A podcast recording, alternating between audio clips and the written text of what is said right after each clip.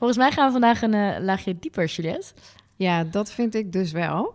Uh, we hebben namelijk te gast Barto Hengst. En Barto heeft ervaring opgedaan bij onder andere kanker.nl, diabetes.nl, nieren.nl en slachtofferhulp. Dus hij heeft ervaring met het opzetten van gigantische platformen waar gewoon ook heel veel uh, voorwerk aan te grondslag uh, is geweest. Ja, en deze platformen hebben allemaal een supergoeie informatiestructuur. En dat is denk ik heel interessant aan deze gast. Want we gaan vandaag echt horen hoe kun je zorgen dat de informatie in jouw community goed opgeslagen wordt, goed vindbaar wordt. En dit zijn allemaal communities die lopen ook echt al tien jaar. En die doen het vet goed. Mensen dragen bij, die blogs worden uitgelicht. Op de meeste homepages, ik vond het bij kanker.nl heel vet, um, zie je meteen wat voor waarde daar zit. Ja, en dat is wat je wil. Nou, precies dat. Dat spreekt mij dus ook zo aan. En wat ik uh, helemaal intrigerend vind, is dat hij hem niet als community aanvliegt, maar als platform waar een community een onderdeel van is. En die community kan soms klein zijn, kan soms groot zijn, maar je vliegt hem aan op meerdere invalshoeken. En uh, nou, ik ben echt ontzettend ja. benieuwd. Ja, want hij begint echt bij de why. Dat is heel interessant. Yes. Nou, wat ontzettend leuk, uh, Barto, dat jij in deze podcast te gast wil zijn. Kun jij jezelf uh, voorstellen? Leuk om hier te zijn. Ik ben, uh, ik ben Barto, Barto Hengst. Ik werk eigenlijk al uh, sinds midden jaren 90 aan het internet. Vooral op het terrein van gezondheidszorg en internet, e-health of hoe je het zou willen noemen. Hmm, een pionier. En, nou ja, inderdaad. Zo, nou. in, in, de tijd, ik heb een klein bedrijf gehad ook, of nou klein een bedrijf gehad in die tijd. En dat was met zorg het internet op. Dat, was, dat vonden we helemaal geniaal natuurlijk. met gezondheidszorg het internet op, maar ook zorg, zorgvuldig het internet op. Oh ja. En eigenlijk is dat nog steeds trouwens al een motto wat ik heel belangrijk vind. Hè. Ik ben eigenlijk heel onbezonnen een internetbedrijf begonnen. Wow. Omdat, ik, omdat ik het zeg maar technisch heel interessant vond, maar ook de mogelijkheden zag. Uh, en van begin af aan ben ik eigenlijk bezig geweest met uh, websites waarin meerdere organisaties met elkaar samenwerken. Dat vond ik eigenlijk al heel leuk. Dus, uh, echt die verbinding. Ja. En hoe ben je dan terechtgekomen bij echt communities? Ja, zo noem jij het volgens mij zelf niet. Maar bij gezondheidsplatformen? Ja, dat is eigenlijk vrij organisch gegaan. Ja, kijk, het hele, in het begin van de jaren nul had je natuurlijk de hele social web kwam op. Hè? Dus toen niet alleen informatie publiceren, zeg maar, van uh, zenden, maar ook gewoon uh, omgevingen bouwen waardoor mensen met elkaar konden contact nemen. Bijvoorbeeld die site die ik, die heette toen GOPNet, Gezondheidszorg, Opleiding en Beroepennet. toen hadden wij het idee van, oh, dat is eigenlijk wel leuk. Dan heb je informatie over bijvoorbeeld hoe word je anesthesie, zeg maar, medewerker of hoe word je chirurg of verpleegkundige. Mm. Kunnen we ook niet mensen vinden in het veld die dan beschikbaar zijn om vragen te beantwoorden. Hadden we toen bedacht, oh, dat noemen, noemen we dan GOP-netwerkers. Nou, ja. was, maar heb je het echt catchy. over... Uh, catchy, ja. 1999, 2000 was Zo. dat. En op een gegeven moment hadden wij zo'n 1200 mensen die gewoon, waar je vragen wil stellen. Dat was nog niet echt een sociaal netwerk, zou je kunnen zeggen. Maar eigenlijk was het hetzelfde idee. Ja. Want we hadden dus informatie over die beroepen. Er was heel veel behoefte aan. Maar we hadden ook de mogelijkheid om gewoon vragen te stellen. En eigenlijk is dat voor mij, in 2000 was dat, het begin een beetje van de social web of van, of van Ja. communities. Ja. En hoe is dat dan gegaan met bijvoorbeeld de start van kanker.nl? Kank.nl is later, hè, dus eh, dat is in 2009 begonnen. Eh, en toen kende ik een aantal mensen die zeiden: Goh, als je nou beschikbaar bent om, zeg maar, eh, om meer consultancy of meer advies te geven. en je hoeft het niet gelijk te bouwen, want daar kreeg ik erg last van. Als, als je een internetbedrijf hebt en alles wat je bedenkt, moet je ook gaan bouwen. Ja. Ja, dat is niet een fijne combinatie, zeg maar. En toen uh, uiteindelijk een van de eerste organisaties die mij benaderde was uh, KWF Kankerbestrijding. Uh, samen met de kankerpatiëntenorganisatie ook en Integraal Kankercentrum Nederland, IKNL. Mm -hmm. en die wilden eigenlijk met elkaar nadenken hoe ze op het internet betere, betere informatie konden bieden aan, aan burgers, aan patiënten zou je kunnen zeggen. Ja. En ze hadden ook wel ideeën van, god, de social web, is ook wel iets mee, maar hoe moeten we dat dan precies doen? Je had natuurlijk wel fora in die tijd en zo.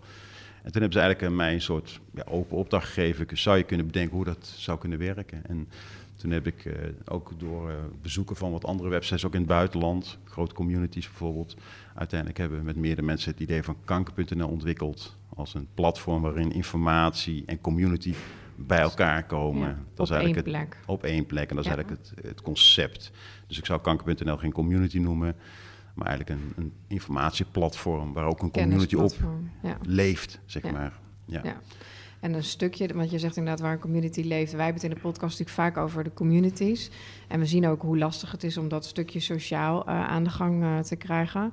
Eh, dat komt ook uit onderzoek uit de vorige podcast, waar we met Peter Stouw over dat benchmark-onderzoek van BIND eh, praten. Ehm, hoe, hoe zie jij die verhouding op een platform als je het dan in dit geval hebt over kanker.nl? De verhouding tussen. Ja, de, de, het stuk kennis waar mensen naar op Mhm. zoek zijn en het stuk eh, community. ehm, k- kijk, kanker.nl is niet eh, begonnen omdat partijen ontzettend behoefte hadden aan een community. Nee. Eh, wel een soort oprechte eh, eh, overtuiging van ervaringskennis is heel belangrijk. Dus eigenlijk als je het nog, nog conceptueler zou Ja. zeggen, eh, je hebt allerlei vormen van kennis. Ja. En een van de, eh, zeg maar, eh, als je expert information maakt, hè, die gemaakt wordt door redacties, medische redacties, samen met, met eh, allerlei professionals, ook wel vaak door reviews van patiënten. Eh, goede artikelen, goede, goede artikelen met, met, met referentie, met duidelijke bronnen. Dat is één vorm van kennis. Andere vorm van kennis, zeker ook in de oncologie, is ervaringskennis. Ja. En Meestal horen mensen toch wel vrij abrupt, je hebt kanker. Hè? Dan is er een extreme grote behoefte aan informatie. Ook in die tijd al was het duidelijk, ja, mensen leven steeds langer met kanker. En als je langer leeft met kanker, krijg je hele andere vragen. Ja. Ook vragen waarvan artsen zeggen, ja, daar zou je eigenlijk je fellow patients eh, voor moeten benaderen, want dat weet ik niet. Ja. Die combinatie zou veel krachtiger kunnen zijn. En eigenlijk is dat het basisidee geweest Van het, kanker.nl. van kanker.nl. Ja. Wat is daar dan voor nodig? Want jij bent niet een paar weken of een paar maanden met bij een organisatie bezig. Dat is vaak een langer, een langer tijdsbestek. Hoe ziet zo'n proces eruit? Wat doe jij in een organisatie?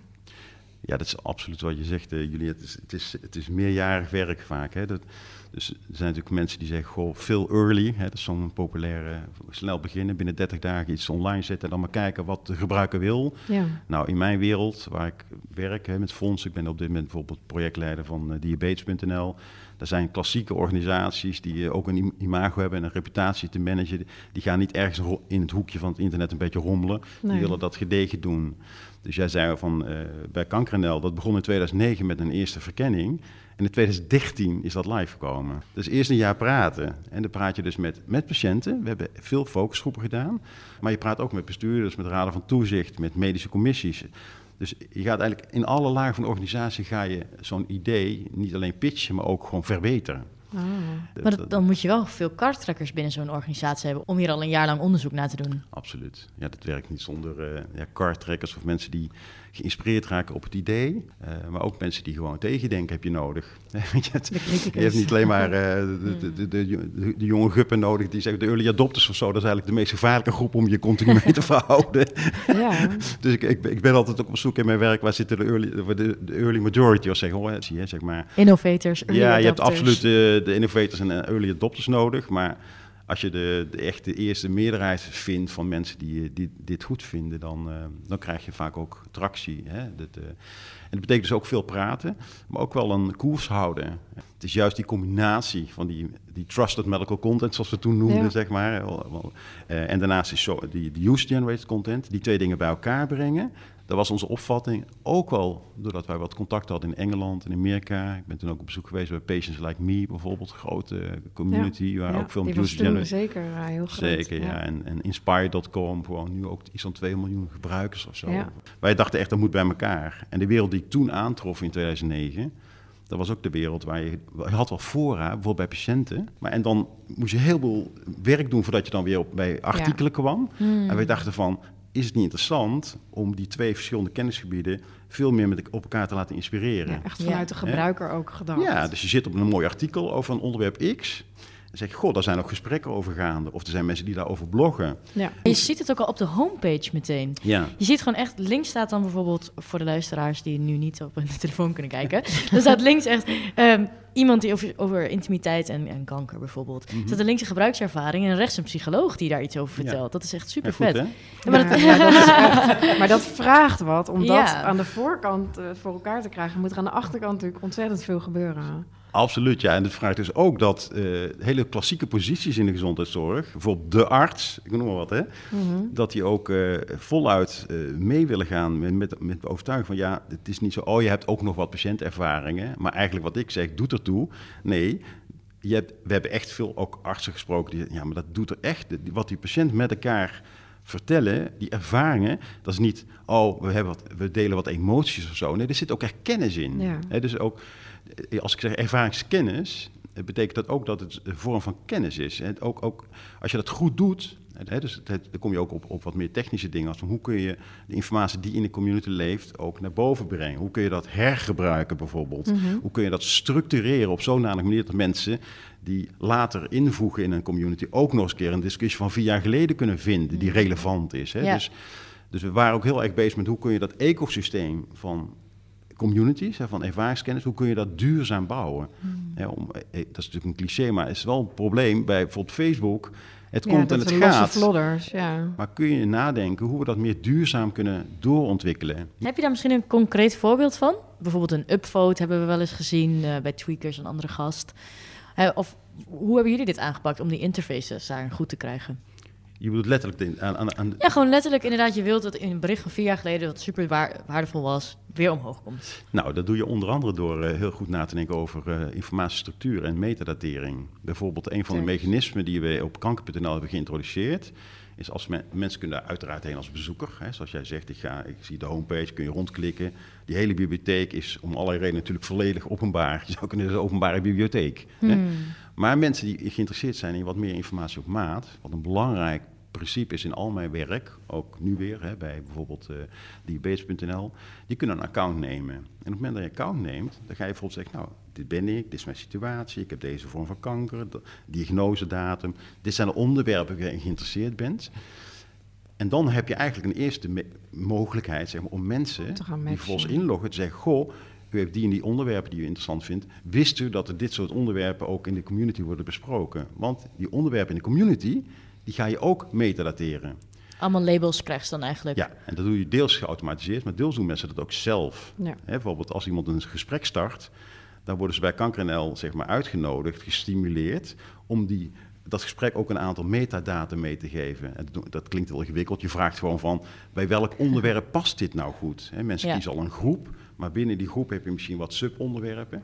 En door dat goed ja, zeg maar, te, te labelen, Ja. kun je later ook natuurlijk mensen dingen teruggeven. Hmm. En zo bouw je eigenlijk stapsgewijs aan, aan ja, ook een informatiestructuur Ja. die samenhangt. En dat is echt wel anders dan de structuur die sommige communities hebben of social media. Gewoon dat, fora die, eh, ja. Dat, gaat, dat komt en dat gaat. En dat, Ja, je eh, mist die borging, tenminste dat is wat ik vaak terughoor van de, de, de, de, de bekende social media. Het zijn, eh, je vindt het niet meer terug, Nee. je kunt het niet aan elkaar knopen. Dus mensen worden niet aan de informatie geknoopt en andersom. Exact, ja. En ja. ja. ja, het is te los, het verdwijnt. ja. Dus dan heb je echt een platform zoals Met dat dan bijvoorbeeld biedt nodig, waar, waar het werkt. Of heb je dan gewoon een hele goede community manager nodig? Want bij het vorige eh, interview met Peter kwam er gewoon uit dat er te weinig tijd is, altijd. Te weinig tijd vanuit welk perspectief dan?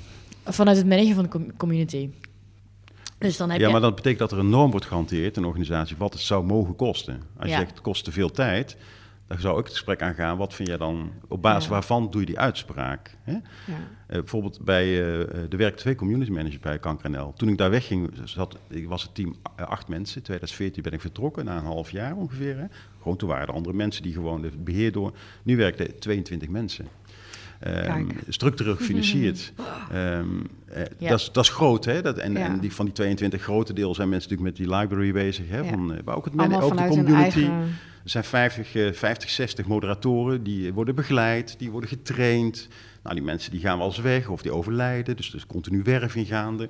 Eh, dus de, de eerste begroting die ik maakte, eh, dat was eigenlijk wel achteraf een soort pivotal moment voor mijzelf. Want ik zat daar, ik denk, ja, nou moet ik een begroting maken. Wat mag dat nou kosten? Ja, En de vraag was niet alleen wat het eenmalig kost, maar wat kost dat nou de eerste vier jaar? Wat een hele goede vraag is. Ja, hè? Niet zo van, want de eerste kosten, ja, dat, dat gelooft iedereen wel, dat is altijd veel. Oh, veel meer dan je wil. ja. Maar vertel eens, vanaf stel dat je een jaar nodig hebt om te bouwen of zo, hè, dat hadden we ook al ruim.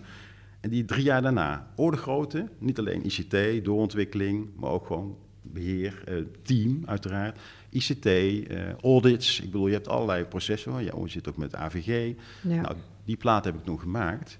En daar legde ik eigenlijk een norm neer op basis van wat ik toen wist. Van, nou ja, als je dit goed wil doen, heb je toch echt wel dit nodig aan community management, dit aan redactie.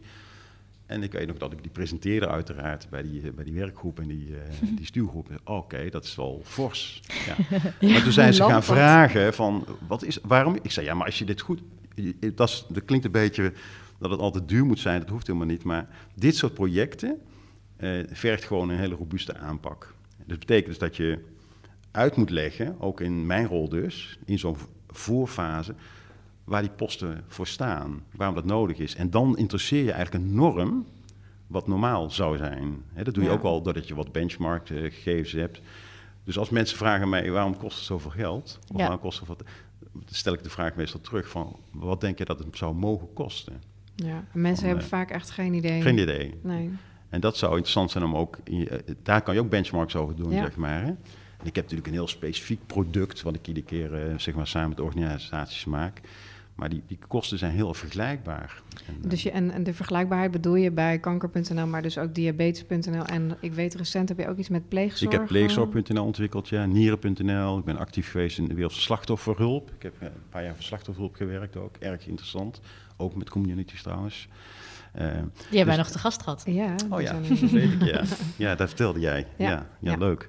Ja, dus, ehm, dus die wereld, zeg maar, waar toch wel redelijk grote organisaties... Ja, die eigenlijk al heel veel eh, mensen hebben... die al veel met content doen... Die, die vaak al heel veel ervaring hebben met corporate websites... als die beginnen met een platform... dan is er natuurlijk al enig besef wat dingen al kosten. Ja. Hè? Dus als jij bij een organisatie aan de slag gaat, is het dan ook nodig dat je echt tussen de, nou ja, tussen de afdelingen be- begeeft? Dus jij, jij bent ook op de vloer aanwezig om echt eh, een gevoel te krijgen bij zo'n organisatie, kan ik me dat voorstellen? Zeker, ja. Dus het is niet helemaal een standaard blauwdruk, maar, of een blauw- blauwdruk, zeg maar. Maar je zou kunnen zeggen, vaak begint het wel met een soort van eerste oriëntatie. Hè, van, eh, ja, je zou kunnen zeggen strategie, projectvorming, pro- planvorming. Eh, dat is een heel belangrijke fase waar ik eigenlijk met heel veel mensen wil spreken.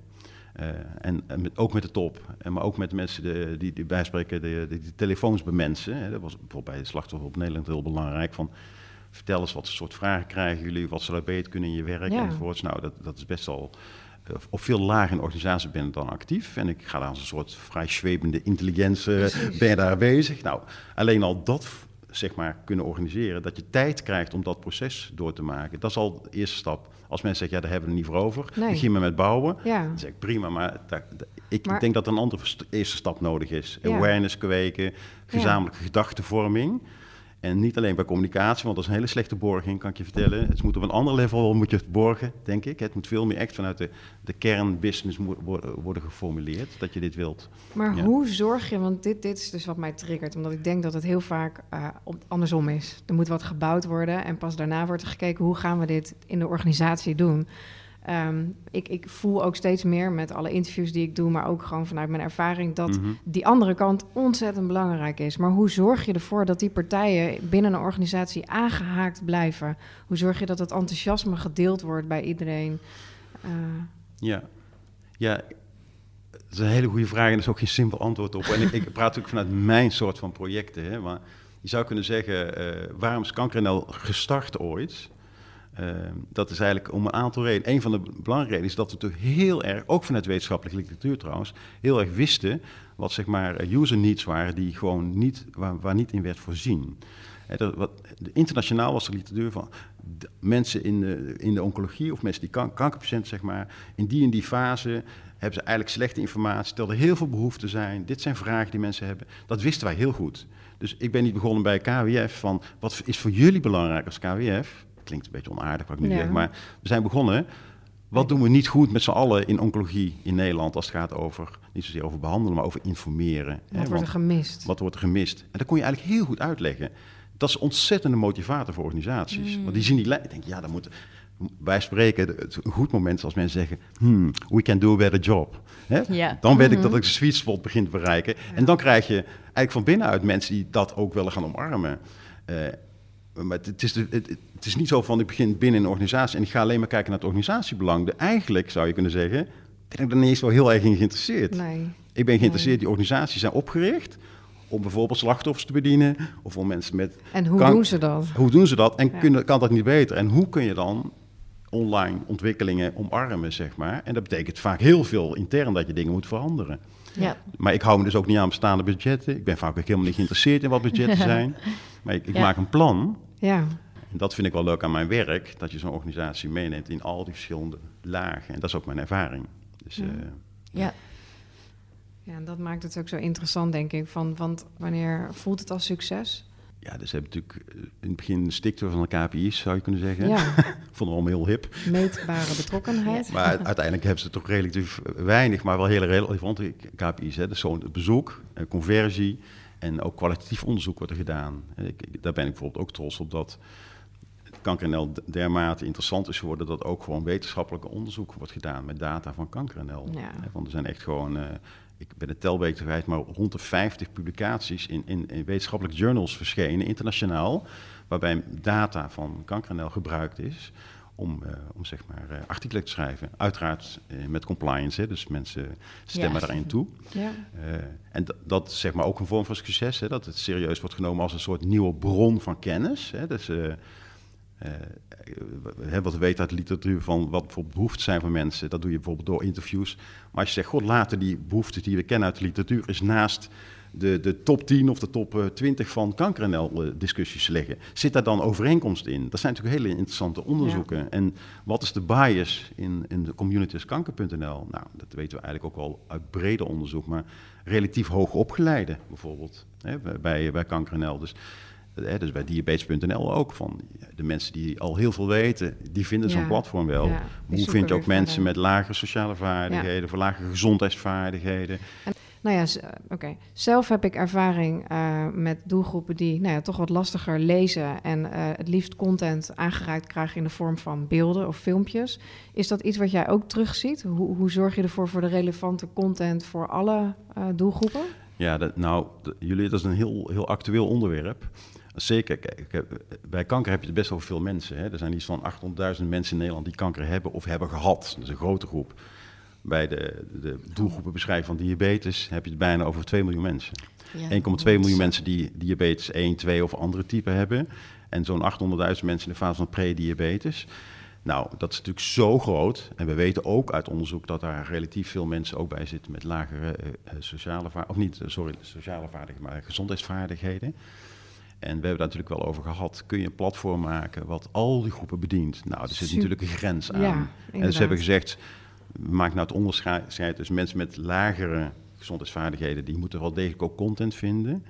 Maar mensen met heel lage, die komen überhaupt niet op deze manier op internet, of die moet je op een hele andere manier ook bedienen. Dat, dat, dat, offline vooral. Offline, precies. Ja. En ondersteund door andere, andere mensen of mensen in de omgeving. Dat is niet onze opdracht. Want dat betekent echt, dan moet je ook met varelsachtige partijen... Ja, ja, die echt helemaal gespecialiseerd zijn in dat Ja. soort content maken. Dat is niet wat we doen. Maar bij diabetes.nl werk bijvoorbeeld wel met B1. We zijn, we hebben, zijn eigenlijk ook een beetje geschrokken. Hè? Dat, dat klinkt ook als een kritiek. Maar we, hebben, we zijn natuurlijk al vrij lang met een content audit bezig. Wat hebben we nou eigenlijk aan huis eigenlijk aan content? Ja, Hè? dat labelen eigenlijk. En Dat labelen, structureren. Hè? Dus eh, structuur, eh, ik kan er eh, heel veel over, over vertellen, maar dat is eigenlijk een van de belangrijkste dingen. Hoe structureer je nou informatie? Ja. Zeg maar dat het vindbaar is, maar ook onderhoudbaar. En we hebben eigenlijk vastgesteld, nou het is wel voor 98, 99 procent, het is gewoon tekst. En dan nog niet eens B1. Ja. Hè? Dan stel je dus vast dat er eigenlijk heel veel tekst is. En mensen, zeker mensen die in de stress zitten, hè, dat is ook bekend, ook hoogopgeleide mensen die van spreken horen, je hebt kanker, nou een dag later eh, gaan hun, eh, gaat hun IQ bij wijze van spreken, nou niet omlaag, maar ze hebben gewoon veel minder vermogen om goede besluiten te nemen. Ja, en om dingen Dus- te absorberen. Ja. Dus ook die content, filmpjes, want we weten ook filmpjes werken, maar zelfs ook podcasts. Hè, dus ook Ja. een opkomen van dat mensen het prettig vinden om gewoon te horen praten over, eh, over een bepaalde ziekte bijvoorbeeld. Hè. Dat dat een hele goede vorm kan zijn. Dat is er allemaal nog niet. Dus we, zijn dat, we hebben dat wel deels, maar eigenlijk gaan we daar ook gewoon extra aan werken. Ja. Een, een vraag die nog, eh, misschien eh, om het ook eh, nou ja, naar een afronding toe te werken, maar een vraag die bij mij nog heel erg eh, centraal staat is open versus besloten. Ehm, ik zag en weet dat kanker.nl nou ja, vrij openbaar is. Je, kan, je kunt heel veel vinden. Hoe kijk jij naar open versus besloten? Op het moment dat mensen op een inlog stuiten, zie ik toch heel veel afhakers. Maar ik ben heel gewoon benieuwd hoe je erover denkt. Ja, nou dat is een heel interessant onderwerp. Eh, daar hebben we heel veel over gesproken met, eh, met kankerpatiënten ook in het begin. en dan heb je het eigenlijk over settings. Hè, van, eh, en, en op welk niveau ga je besluiten of iets open of besloten is. Het model wat we bij Kanker hebben ontwikkeld, wat ik ook toch wel in andere projecten heb eh, hergebruikt, zeg maar, is dat eigenlijk groepen, oh, laat ik het dan zeggen, dat degene die bepaalt of iets open gesloten is, degene is die een gesprek start. Als ik het even over gesprekken heb, hè, want Als ik het over community heb, is dat meer dan alleen gesprekken. Hè, maar ja, ook is blogs bijvoorbeeld. ook blogs, Ja. of wat heel belangrijk op, op, op KankerNL is gebleken ook, is van elkaar kunnen vinden. op die een heleboel ontmoeting. kenmerken, dat echt Ja. dat matchen, zeg maar, eh, heel specifieke kenmerken. Chat sturen dan bedoel Nou, je gewoon daarmee. echt een soort smoelenboek, om in ieder geval, denk ik. Nou ja, er zijn 30.000 mensen op kanker.nl. Ja, Ja. daar word je eigenlijk eh, helemaal gestrest van, want dat is veel te veel. Dus we hebben nagedacht samen met, eh, met patiënten, op welke kenmerken zou je andere mensen willen vinden? Ja. En nou, dan, iedere keer blijkt er in mijn soort project dat dat hele specifieke ziektegerelateerde kenmerken zijn. Dus op kanker.nl kan je bijvoorbeeld iemand zoeken eh, die longkanker heeft, die drie jaar geleden gediagnosticeerd heeft, die het in het UMCU eh, wordt behandeld, eh, vrouw is en in leeftijd Maar dan- 40 tot 60. Moet je ingelogd zijn, denk ik. Dan moet je ingelogd zijn. Ja. Hè? Maar ook daar speelt het vraagstuk openbaar. Hè? Want het is, Ja. het is even een U-bocht naar een heel... Ja, Van wat is nou zichtbaar, wat niet? En het principe wat wij gehanteerd hebben, ook door veel te praten met patiëntenorganisaties, die natuurlijk veel over empowerment nadenken. Hè? Van, je kunt dat allemaal wel paternalistisch gaan dichtgooien of opengooien. Maar je zou ook kunnen zeggen, ontwikkel een, een, een- dat hebben we bij kanker al gedaan en ook bij pleegzorg, bij, eh, bij andere communities. Degene die een gesprek start of die een account neemt, die bepaalt Ja. zelf, is die zichtbaar voor de hele wereld of is die zichtbaar Ja. alleen maar voor mensen achter de inlog? ja. Nou, dat blijkt gewoon, dat is ook wel grappig, ongeveer 5% kiest voor de hele wereld en 95% wil achter de inlog Ja. alleen maar zichtbaar Ja, zijn met zijn we. persoonlijke pagina. Die 5% komt best wel veel terug en ook in onderzoek. Ehm, Dat is toch weer die 90 Ja, 1 1,99 eh, Ja. regel van, eh, nou ja, die je natuurlijk heel vaak terugziet. Dat is een heel klein percentage. organisaties gewoon eh, dat zelf Ja. kunnen laten Ja. doen. Ik hoor daarin inderdaad eh, drie allerbelangrijkste ingrediënten in jouw werk. Is dat je gewoon ontzettend goed en veel ervaring hebt met het concept denken. Dus starten met een concept. Dan die hele ontwikkeling, bouwfase. Nou ja, om daar eh, in, in organisaties in te faciliteren. Maar dus ook die borging. Ja. En die vind ik nog veel belangrijker, omdat je ziet dat het nou ja, soms dus andersom wordt aangevlogen. Dus ik denk dat jouw verhaal, eh, ik hoop eigenlijk dat jouw verhaal heel veel mensen net zo aansteekt als dat het mij deed. Eh, dus ik wil je ontzettend bedanken voor jouw verhaal en je ervaring, eh, Graag Barto. gedaan. Ja, bedankt voor je komst. Oké, graag gedaan. Nou, zoals ik aan het begin zei, we zijn echt een laag dieper gegaan. Nou, dat is, dat is zeker waar. Ik denk ook dat het echt voor luisteraars interessant is om te weten dat het soms echt jaren nodig kan hebben. eh, maar ook gewoon dat er budget moet zijn om iets echt goed van de grond te krijgen. En Ja. het feit dat Barto al die gesprekken aangaat met nou ja, meerdere afdelingen van een organisatie. Hij heeft het over juridisch, administratief, Mm. financieel. Het financiële stuk, maar ook de communicatieafdeling. Het, is gewoon, het vraagt echt gewoon Dit is En- geen side project, dit is niet leuk voor de bij. Dit is echt een organisatie op zich met 22 medewerkers, dus bijvoorbeeld al bij uh, kanker.nl. Ja, moet je nagaan als er echt zoveel aan beheer wordt eh, opgezet. Dus Ja, het Ja. is eh, geen instapniveau, maar je kan er wel echt veel van leren. Bijvoorbeeld het labelen van je berichten, het uitlichten van goede berichten, de, Ja. de samenwerking tussen expertkennis en eh communitykennis. ja, en relevante content. Waar zitten mensen nou echt op te wachten? En hoe maak je bruggetjes tussen dingen die ze lezen en misschien weer gesprekken die ze zouden willen voeren? Ja, volgens mij voer voor community managers om, eh, om eens goed over na te denken hoe dat voor hun platform zou kunnen werken. Ja, en ook wel interessant, want we hebben bijvoorbeeld de, de freelance community, eh, daar hebben we het over gehad in, deze, in, de, in de podcast. En dit kun je niet op Slack doen. Dit, we moeten echt beseffen, dit zijn echt hele grote technische uitdagingen ook. Ja, dit vraagt wel echt maatwerk. En eh, vanaf de grond af aan goed ja, bedenken wat is er nodig? Waar zitten de gebruikers op te wachten? Waar zit de organisatie op te wachten? En ja, daar moet echt een gedegen plan aan eh de grondslag liggen. Ja, dus met een goede visie, een eh, sterke why, kun je dan wel echt iets heel waardevols bouwen. Ja, en dat ook echt borgen. Dus ja, Ja, dat Heel het gewoon jarenlang meegaat, hè? Dat is vet. Ja. ja, heel leuk weer. Dankjewel. yes, dankjewel. Deze podcast is gemaakt door Matt. We hebben een passie voor online communities en zijn elke dag bezig met het creëren en beter maken van deze communities. We leveren niet alleen een technische oplossing, we coachen, ondersteunen en ontzorgen jou de hele rit. Voor collega's tot inwoners, van vrijwilligers tot een netwerk van professionals, wij halen ze over de streep met meetbare resultaten. Zodat jij kunt zeggen, dit hebben we samen voor elkaar gekregen. Wil je een demo of meer info? Kijk dan op www.met.nl. Met is met dubbel.